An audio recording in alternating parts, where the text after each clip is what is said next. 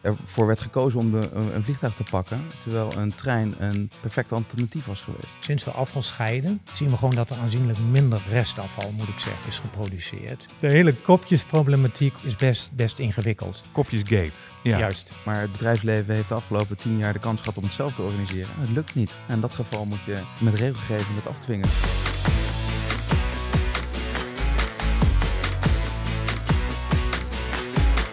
Van harte welkom allemaal bij de tweede aflevering van de Do the Right Thing podcast. Leuk dat je er weer bij bent. Mijn naam is Victor, ik ben de host van deze aflevering.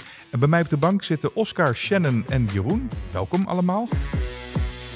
Uh, Shannon, jij bent uh, eigenlijk een beetje de, ja, de, officieel de teamlead sustainability.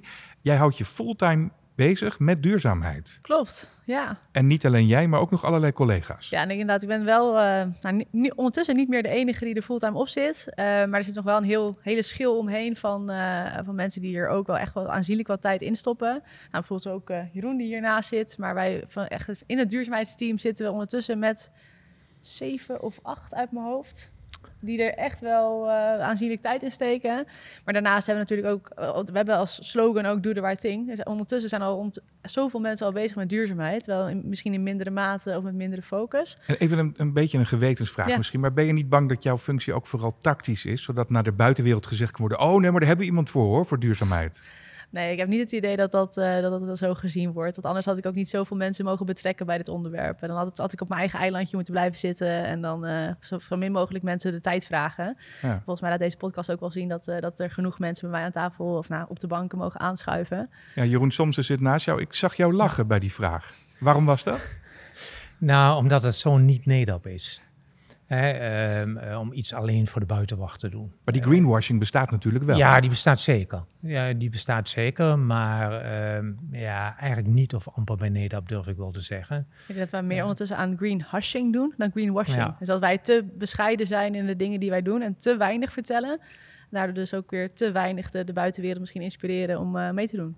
Ja, want Jeroen, wat doe jij hier bij, bij NEDAP? Jij doet ook uh, allerlei dingen hè, met... Uh, uh, met die duurzaamheid. Ja, dat klopt helemaal. Ik ben uh, nou ja, samen met Shannon eigenlijk co-teamlead van de sustainability effort binnen, uh, binnen NEDAP. Maar mijn hoofdtaak is eigenlijk marktgroepleider van, van Light Controls. Dat doe ik al een heel aantal jaren met veel plezier. Dus daar gaat ja, eigenlijk mijn meeste tijd naartoe. Maar daarnaast, ja, dus naast sustainability. Ja. Aan de overkant Oscar van der Broek. Oscar, um, wat doe jij eigenlijk aan duurzaamheid? Ja, um, in mijn dagelijkse werk niet per se extreem veel. Uh, tegelijkertijd heb ik er wel een hart voor. Want je bent de grote baas van de retail, hè? mag ik dat zo zeggen? Dat mag je zo zeggen. Ja. Uh, ik, allereerst, uh, Shannon en ik die kennen elkaar, omdat Shannon bij mij is afgestudeerd op, een, op het onderwerp duurzaamheid. en dat was wel een beetje de, de, nou, eigenlijk de slinger die het bij ons in gang heeft gezet.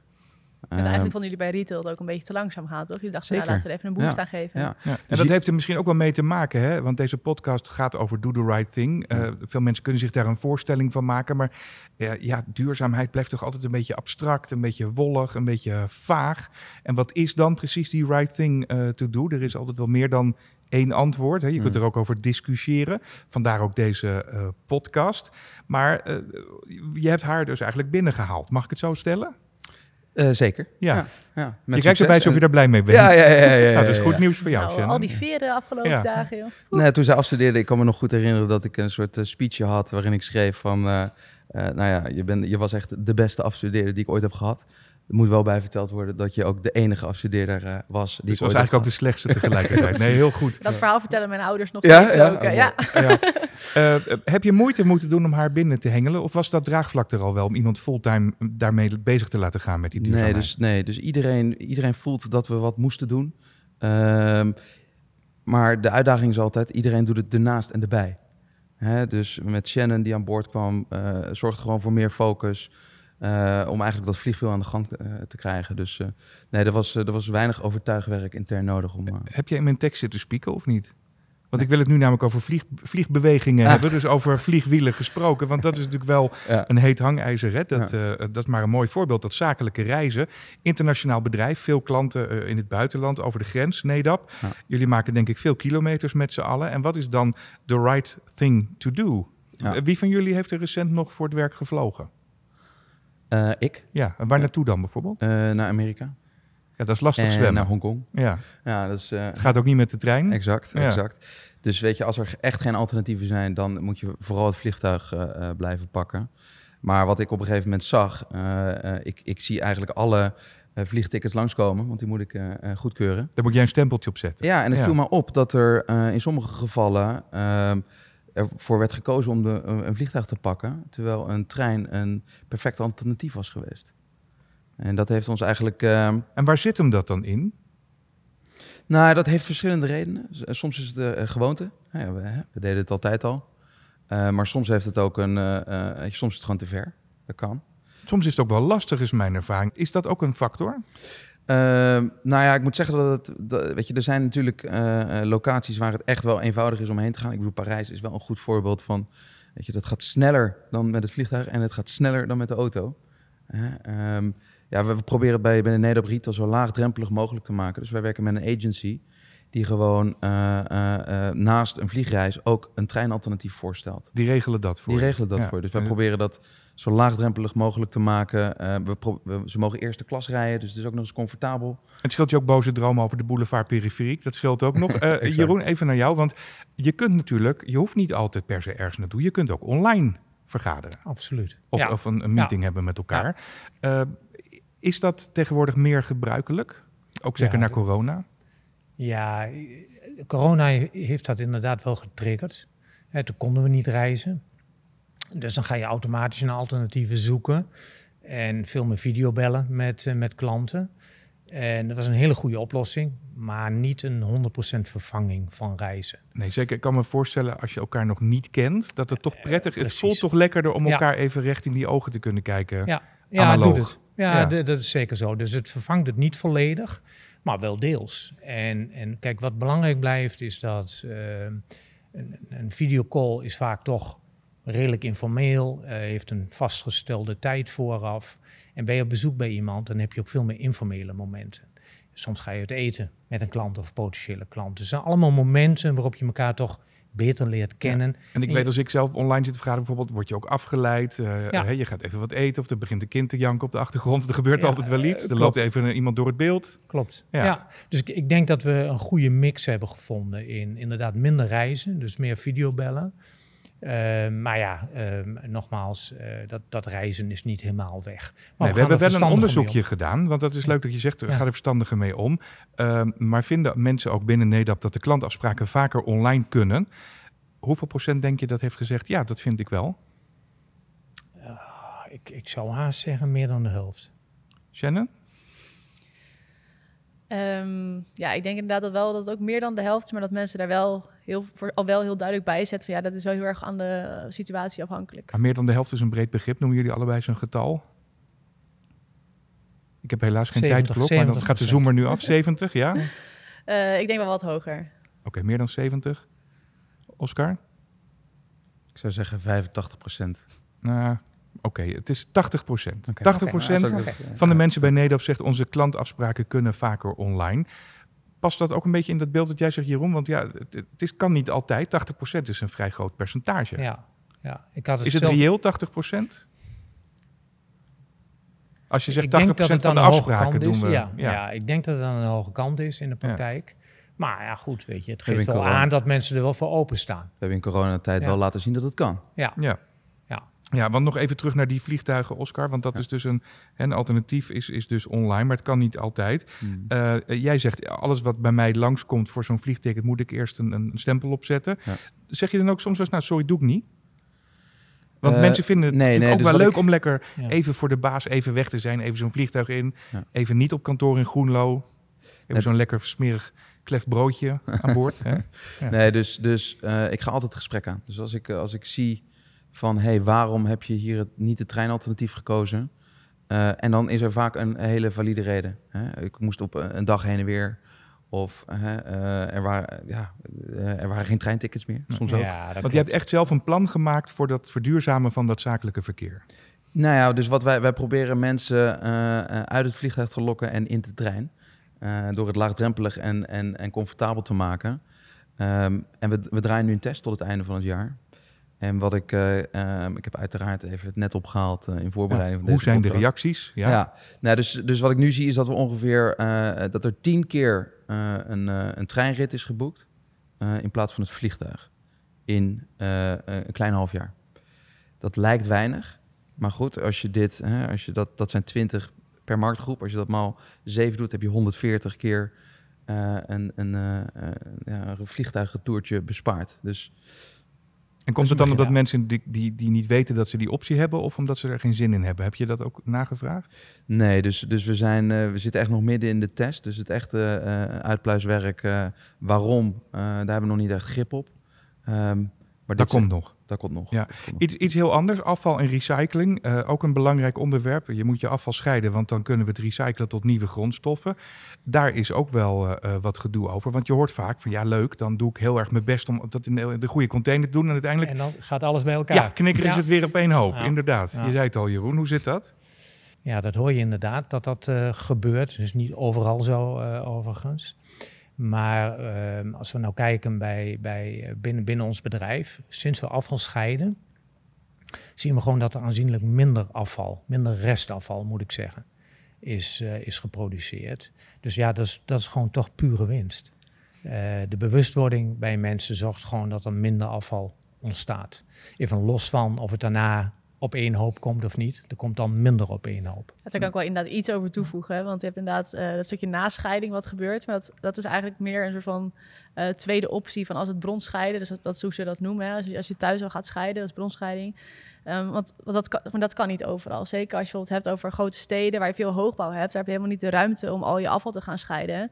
Eh, ja, dan moet je dus van die dure installaties als gemeente gaan installeren. Zeker om... met zes containers op je balkon. Precies, dat gaat, dat gaat niet passen. Nee. ik weet niet, met de gemiddelde prijs daar in die steden, dat, daar, dat, daar kom je niet echt uit.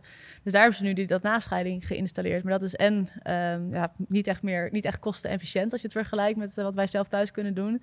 Ehm, en het is ook niet net zo goed. Je kan niet dezelfde kwaliteit aan reststromen krijgen als dat je dat eh, aan de voorhand al zou doen. Maar er zijn ook kleine dingen die je makkelijk kunt doen. Bijvoorbeeld het dopje aan je flesje laten zitten. Hè? Dat, dat is ook iets van, van dit moment. Ja, dat is inderdaad een frustratie die bij veel mensen omhoog. Van ja, waarom zit nou opeens dat dopje vast Ja, aan mijn colafles? Ik, krijg hem niet, ik kreeg hem al zo moeilijk open en nu eh, is het helemaal onmogelijk. Of als je hem zeg maar open doet en gaat schuimen en dan zit opeens weer dat dopje eraan vast. Dat is helemaal, helemaal lastig. Ja. Eh, maar dat hebben ze dus gedaan omdat je normaal gesproken, nou, het eigenlijk van twee redenen. Eén, omdat je zwerfafval hebt. Dus die dopjes die kunnen, zijn heel klein, die kunnen makkelijk in de natuur terechtkomen. Nou, dan weten we allemaal wat er gebeurt. Ehm, maar ook omdat eigenlijk kleine stukjes plastic niet gerecycled kunnen worden. Dus als jij losse stukjes, kleine stukjes plastic van ongeveer pak een beetje kleiner dan 5 centimeter hebt en die gooi je in de afval, die kunnen gewoon niet gerecycled worden. Die zijn te klein voor het hele systeem wat erachter komt om dat nog op te pakken. Dus dat wordt gewoon verbrand. Dus daarom dat nu ook die dopjes dus aan die fles zitten, zodat ze in ieder geval meegenomen worden in het hele recyclingproces. Ja, ik, ik kreeg hier net een, eh, een, een flesje cola en ik was op zoek naar een rietje naastig, maar eh, dat, dat is er niet meer, hè? Nee. Nee. Nee, dat, eh, dat is niet, hand- niet meer van deze tijd. Sowieso de plastic rietjes niet. Papieren rietjes zijn niet te doen. Tenminste, ik weet niet of je ervaring hebt met een, eh, een papieren rietje met een milkshake. Nee, dat is geen Nou, aanrader. Als je een Zeker beetje rustig aandoet met je portie, dan, eh, dan heb je geen rietje meer over. Ehm, nee, en we hebben hier gewoon glazen. Die kan je gewoon vaker gebruiken. En, en- en van glazen is het een kleine stap naar kopjes. Dat is een eeuwigdurende discussie. Hè? Dat kopje koffie, moet dat nou uit zo'n kartonnetje, zo'n bekertje wat je na afloop weggooit? Of Mhm. moet dat uit zo'n mok? Maar ja, die moet je weer schoonmaken en die stapelen zich op. Die gaan een keer kapot. eh, eh, gedoe allemaal, vergeet je mee te nemen. Hoe is dat hier geregeld? Ja, we hebben dus nu, ik denk van sinds het begin van dit jaar hebben wij nu ook eh, overal kopjes staan. Daarvoor hadden wij ook de nou, papieren bekertjes. Ik zeg dat een beetje met eh aanhalingsteken omheen. Want papieren bekertjes zijn nooit helemaal van papier. Er zit altijd nog wel iets van een plastic coating overheen om, om het voedsel veilig te maken. Maar dus ook niet helemaal lekker gerecycled kan worden. Ehm, We hebben ook hier even een polletje gedaan. 84% van NEDAP is voor het gebruik van mokken. Dus die, die je her kunt gebruiken. ja, omdat zij denken dat dat duurzamer is. Ja. Eh, ja. Maar de, de, de vraag is natuurlijk, Jeroen, is het ook duurzamer? Ja, dat is een interessante vraag. De, de, de, de, de hele kopjesproblematiek of bekers is best, best ingewikkeld. Kopjes gate. Ja. Juist. Kijk, en eigenlijk als je het eh, van een afstandje bekijkt, maakt het niet zoveel uit. Dat klinkt raar, maar het maakt eigenlijk niet zoveel uit. Of je een papieren bekertje, een plastic beker of een mok eh, gebruikt. Toch Ik kan voel je wel maar een- aankomen. Precies, Ja. er, komt, er, komt, er komt een maar. De, de les die je er eigenlijk, eigenlijk uit kan, kan leren is dat ehm, als je kopjes gewoon meerdere keren gebruikt zonder ze af te wassen, hè, je kan wel omspoelen met koud water, daar zit de winst. Ja, Shannon, die mokken, daar, daar hebben we dus niet echt een eenduidig antwoord op. Dus je zou eigenlijk kunnen zeggen, het is, het is niet altijd zo uh, zwart-wit. Nee, klopt. Ja, eigenlijk, uh, ja, duurzaamheid is inderdaad wat je zegt, het is geen zwart-wit thema. Ik kan heel flauw zeggen, ja, het is een groen thema. Maar dat is natuurlijk ook niet zo. Er zijn heel, duurzaamheid is zo'n grote containerterm uiteindelijk geworden... dat je ook, je kan niet zeggen wat het meest duurzame keuze is. Nee, in dit geval is het dus circulariteit versus CO2. Ja, want in dit geval heb je dus inderdaad de, de energie bijvoorbeeld die bij komt kijken om zo'n mokje te maken. De energie die komt kijken om de vaatwasser aan te zetten. Maar je hebt het ook over, uh, als je, dat zat wat meer in de CO2-categorie. Uh, maar je kan ook inderdaad kijken van wat voor materialen komen hier nou eigenlijk in. En wat voor afval produceren wij hiermee. En dat heeft dan weer veel meer met die circulariteit te maken. Ja, en als we het nou toch over drank hebben. Jeroen, jij had volgens mij nog een mooi voorbeeld. Iets met uh, chocomel, wijn. hoe zat dat? Ja, interessant. Eigenlijk ook gelijk weer een groot verschil. Inderdaad, iedereen, nou ja, al onbekend is, is het chocomelk eh, voorbeeld. Hè. Moet je nou het tetrapakje uh, nemen of het flesje chocomelk? Wat is nou duurzamer? En nou, dat is precies wat, uh, wat Shannon net aangeeft. Die, dat flesje is makkelijker te recyclen, te hergebruiken. Dus qua circulariteit een betere oplossing. terwijl het pakje weer minder CO2-footprint heeft bij de productie. Dus ja, ja waar, waar, kies je voor? Maar, maar, jij weet dit. Ik sta als argeloze consument in de supermarkt. Denk ja, het ja. zal wel. Ja, Klopt. Wat is het antwoord? Want mensen die nu luisteren, die moeten voortaan weten als ze chocomel kopen, welke van de twee? Nou, juist, daar zal ik, uh, zal ik naartoe uh, praten. Kijk, dat chocomelkflesje is een, is een dedicated flesje. Dat wordt ook weer opnieuw gebruikt voor chocomelk. Dus dat gaat in het kratje en wordt opnieuw gebruikt, wordt gewassen, wordt niet gesmolten. Bij wijn is het heel anders. Een wijnfles, ja, die gaat naar een glasbak, die gaat kapot. Die gaat niet terug naar dat wijnhuis om weer nieuwe wijn gevuld te worden met nieuwe wijn. Dus die wordt echt opnieuw geproduceerd. Dus dan komt opnieuw die enorme belasting in het milieu terecht. En daarom is die papieren wijnfles, die bestaat inmiddels, nou, een hele interessante oplossing. Um, en die is dus aanzienlijk minder belastend in het milieu. Oké, dus daar moet ik de papieren fles hebben. En bij de chocomel dus de glazen fles. Nou ja, dat, Kan je, dat, kan je dus niet zeggen. Het is inderdaad misschien dan de glazen ja. wel het meest circulair, maar niet per se. Hallo Shannon, ik sta daar in die supermarkt. Ik moet allemaal in een split second een beslissing nemen. Wat, wat heb ik hier nou aan? En dan zou ik gewoon de goedkoopste kiezen. Oh ja, oké, dankjewel. uh, nog één ding uh, over de duurzaamheid, uh, waar vaak een beetje de stekels van omhoog gaan staan, is als iets verplicht wordt. Ja. Hè, ik mag dit niet meer, ik mag dat niet meer. Ehm, ja, wetgeving, moet je daar dan dingen in gaan vastleggen. 73% van de mensen hier bij NEDAP vindt dat duurzaamheid moet worden afgedwongen door wetgeving. Die zeggen, ja, dat is misschien dan wel een beetje betuttelend, maar je moet op een gegeven moment een keer grenzen stellen. Hoe, hoe zitten jullie daarin? Hoe kijk jij daarnaar, Oscar? Ik denk dat dat zeker kan helpen, in sommige gevallen. Ik heb uh, uh, als mooi voorbeeld ook het vrouwenquota. Ik ben daar voorstander voor. Je begint hier helemaal bij te glimlachen. Nou ja, dus ik heb veel discussies gehad, ook met, met, met, met vrouwen bij ons op de afdeling, ja. die daar soms tegen zijn. En dan denk ik, ja, maar het bedrijfsleven heeft de afgelopen tien jaar de kans gehad om het zelf te organiseren. En het lukt niet.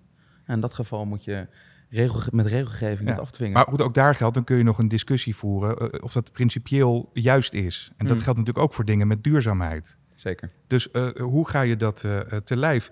Ja, wat is de rol van, uh, van partijen? Nou, 44% vindt dat de bal bij beleidsmakers ligt. 39% zegt bij bedrijven. En 17% van de Nedappers zegt nee, dat is meer de rol van de burgers. Dus eigenlijk hebben jullie ook wel een belangrijke rol als bedrijf daarin. Ja, dus nou ja, ik denk dat, dat, dat iedereen, elke stakeholder een eigen verantwoordelijkheid heeft. En ik denk, en als iedereen die pakt, dan komen we voorwaarts. Ja, toch nog even naar dat afdwingen, Shannon. want Hè, uh, je wordt er niet altijd populairder van als je dat soort dingen doet. Ik noem maar even een, uh, een letterlijk een heet hangijzer. Vlees in de kantine. Ja. Uh, dat ligt altijd en overal gevoelig. Ja, is het ook. Ja, ja omdat jij zelf een persoonlijke ja, opoffering soms moet doen. Om voor het grote geheel de impact naar beneden te halen. Ja, dat is af en toe nog wel inderdaad een, een pittig puntje. Maar je kunt, je kunt het ook op andere manier beredeneren. Zeggen, joh, Shannon, bemoei je niet mee. Ik wil gewoon lekker mijn gehaktballetje. Hou mm eens op. Ja, dat klopt. Ja, hoe reageer je dan? Ja, hoe reageer je dan? Dat is heel erg wisselend. Ik probeer eigenlijk altijd vooral verder te vragen waar dat al vandaan komt. Want eh, weet je, met twee meningen die uit elkaar zijn, ga je, ga je nooit ergens komen. Je moet wel elkaars uh, perspectief begrijpen. Um, dus het belangrijkste is gewoon het gesprek met elkaar aangaan en kijken waar die mening vandaan komt. En Jeroen, als ik nou zeg, joh, ik neem lekker die gehaktbal, want ik ga nooit met het vliegtuig op vakantie en jij wel. Dus uh, hoe kijk je daar dan naar? Ja, dan zeg ik, dan moet je dat lekker doen. Um, kijk, waar, waar, waar misschien een compromis ligt, is als je dat nou een dag in de week niet doet. Je kan vier dagen in de week lekker die gehaktbal eten als je daar behoefte aan hebt. En één dag in de week niet. Ehm, en als heel Nederland dat zou doen, dus al die individuen bij elkaar, dan scheelt het aanzienlijk. Ik heb hem voorbereid, dan scheelt, dan scheelt het een half miljoen ton CO2-uitstoot per jaar Ja. in Nederland. Maar er zijn dan ook minder koeien, dus je verkoopt hier ook minder systemen om die koe in de gaten te houden. Ehm, Tenminste, als we ervan uitgaan dat runder gehakt is. Hè? Maar het, het, het, het Ja, mes ja. snijdt natuurlijk letterlijk aan twee kanten soms.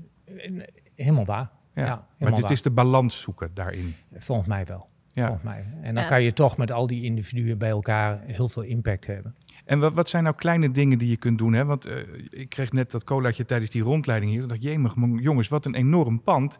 Eh, maar veel thuiswerken. Ik kan me voorstellen, vrijdag zal het hier heel rustig zijn. Zou je dan bijvoorbeeld in de winter op vrijdag met z'n allen op één afdeling kunnen gaan zitten? Zodat je ergens anders de verwarming uitzet? Ik noem maar iets.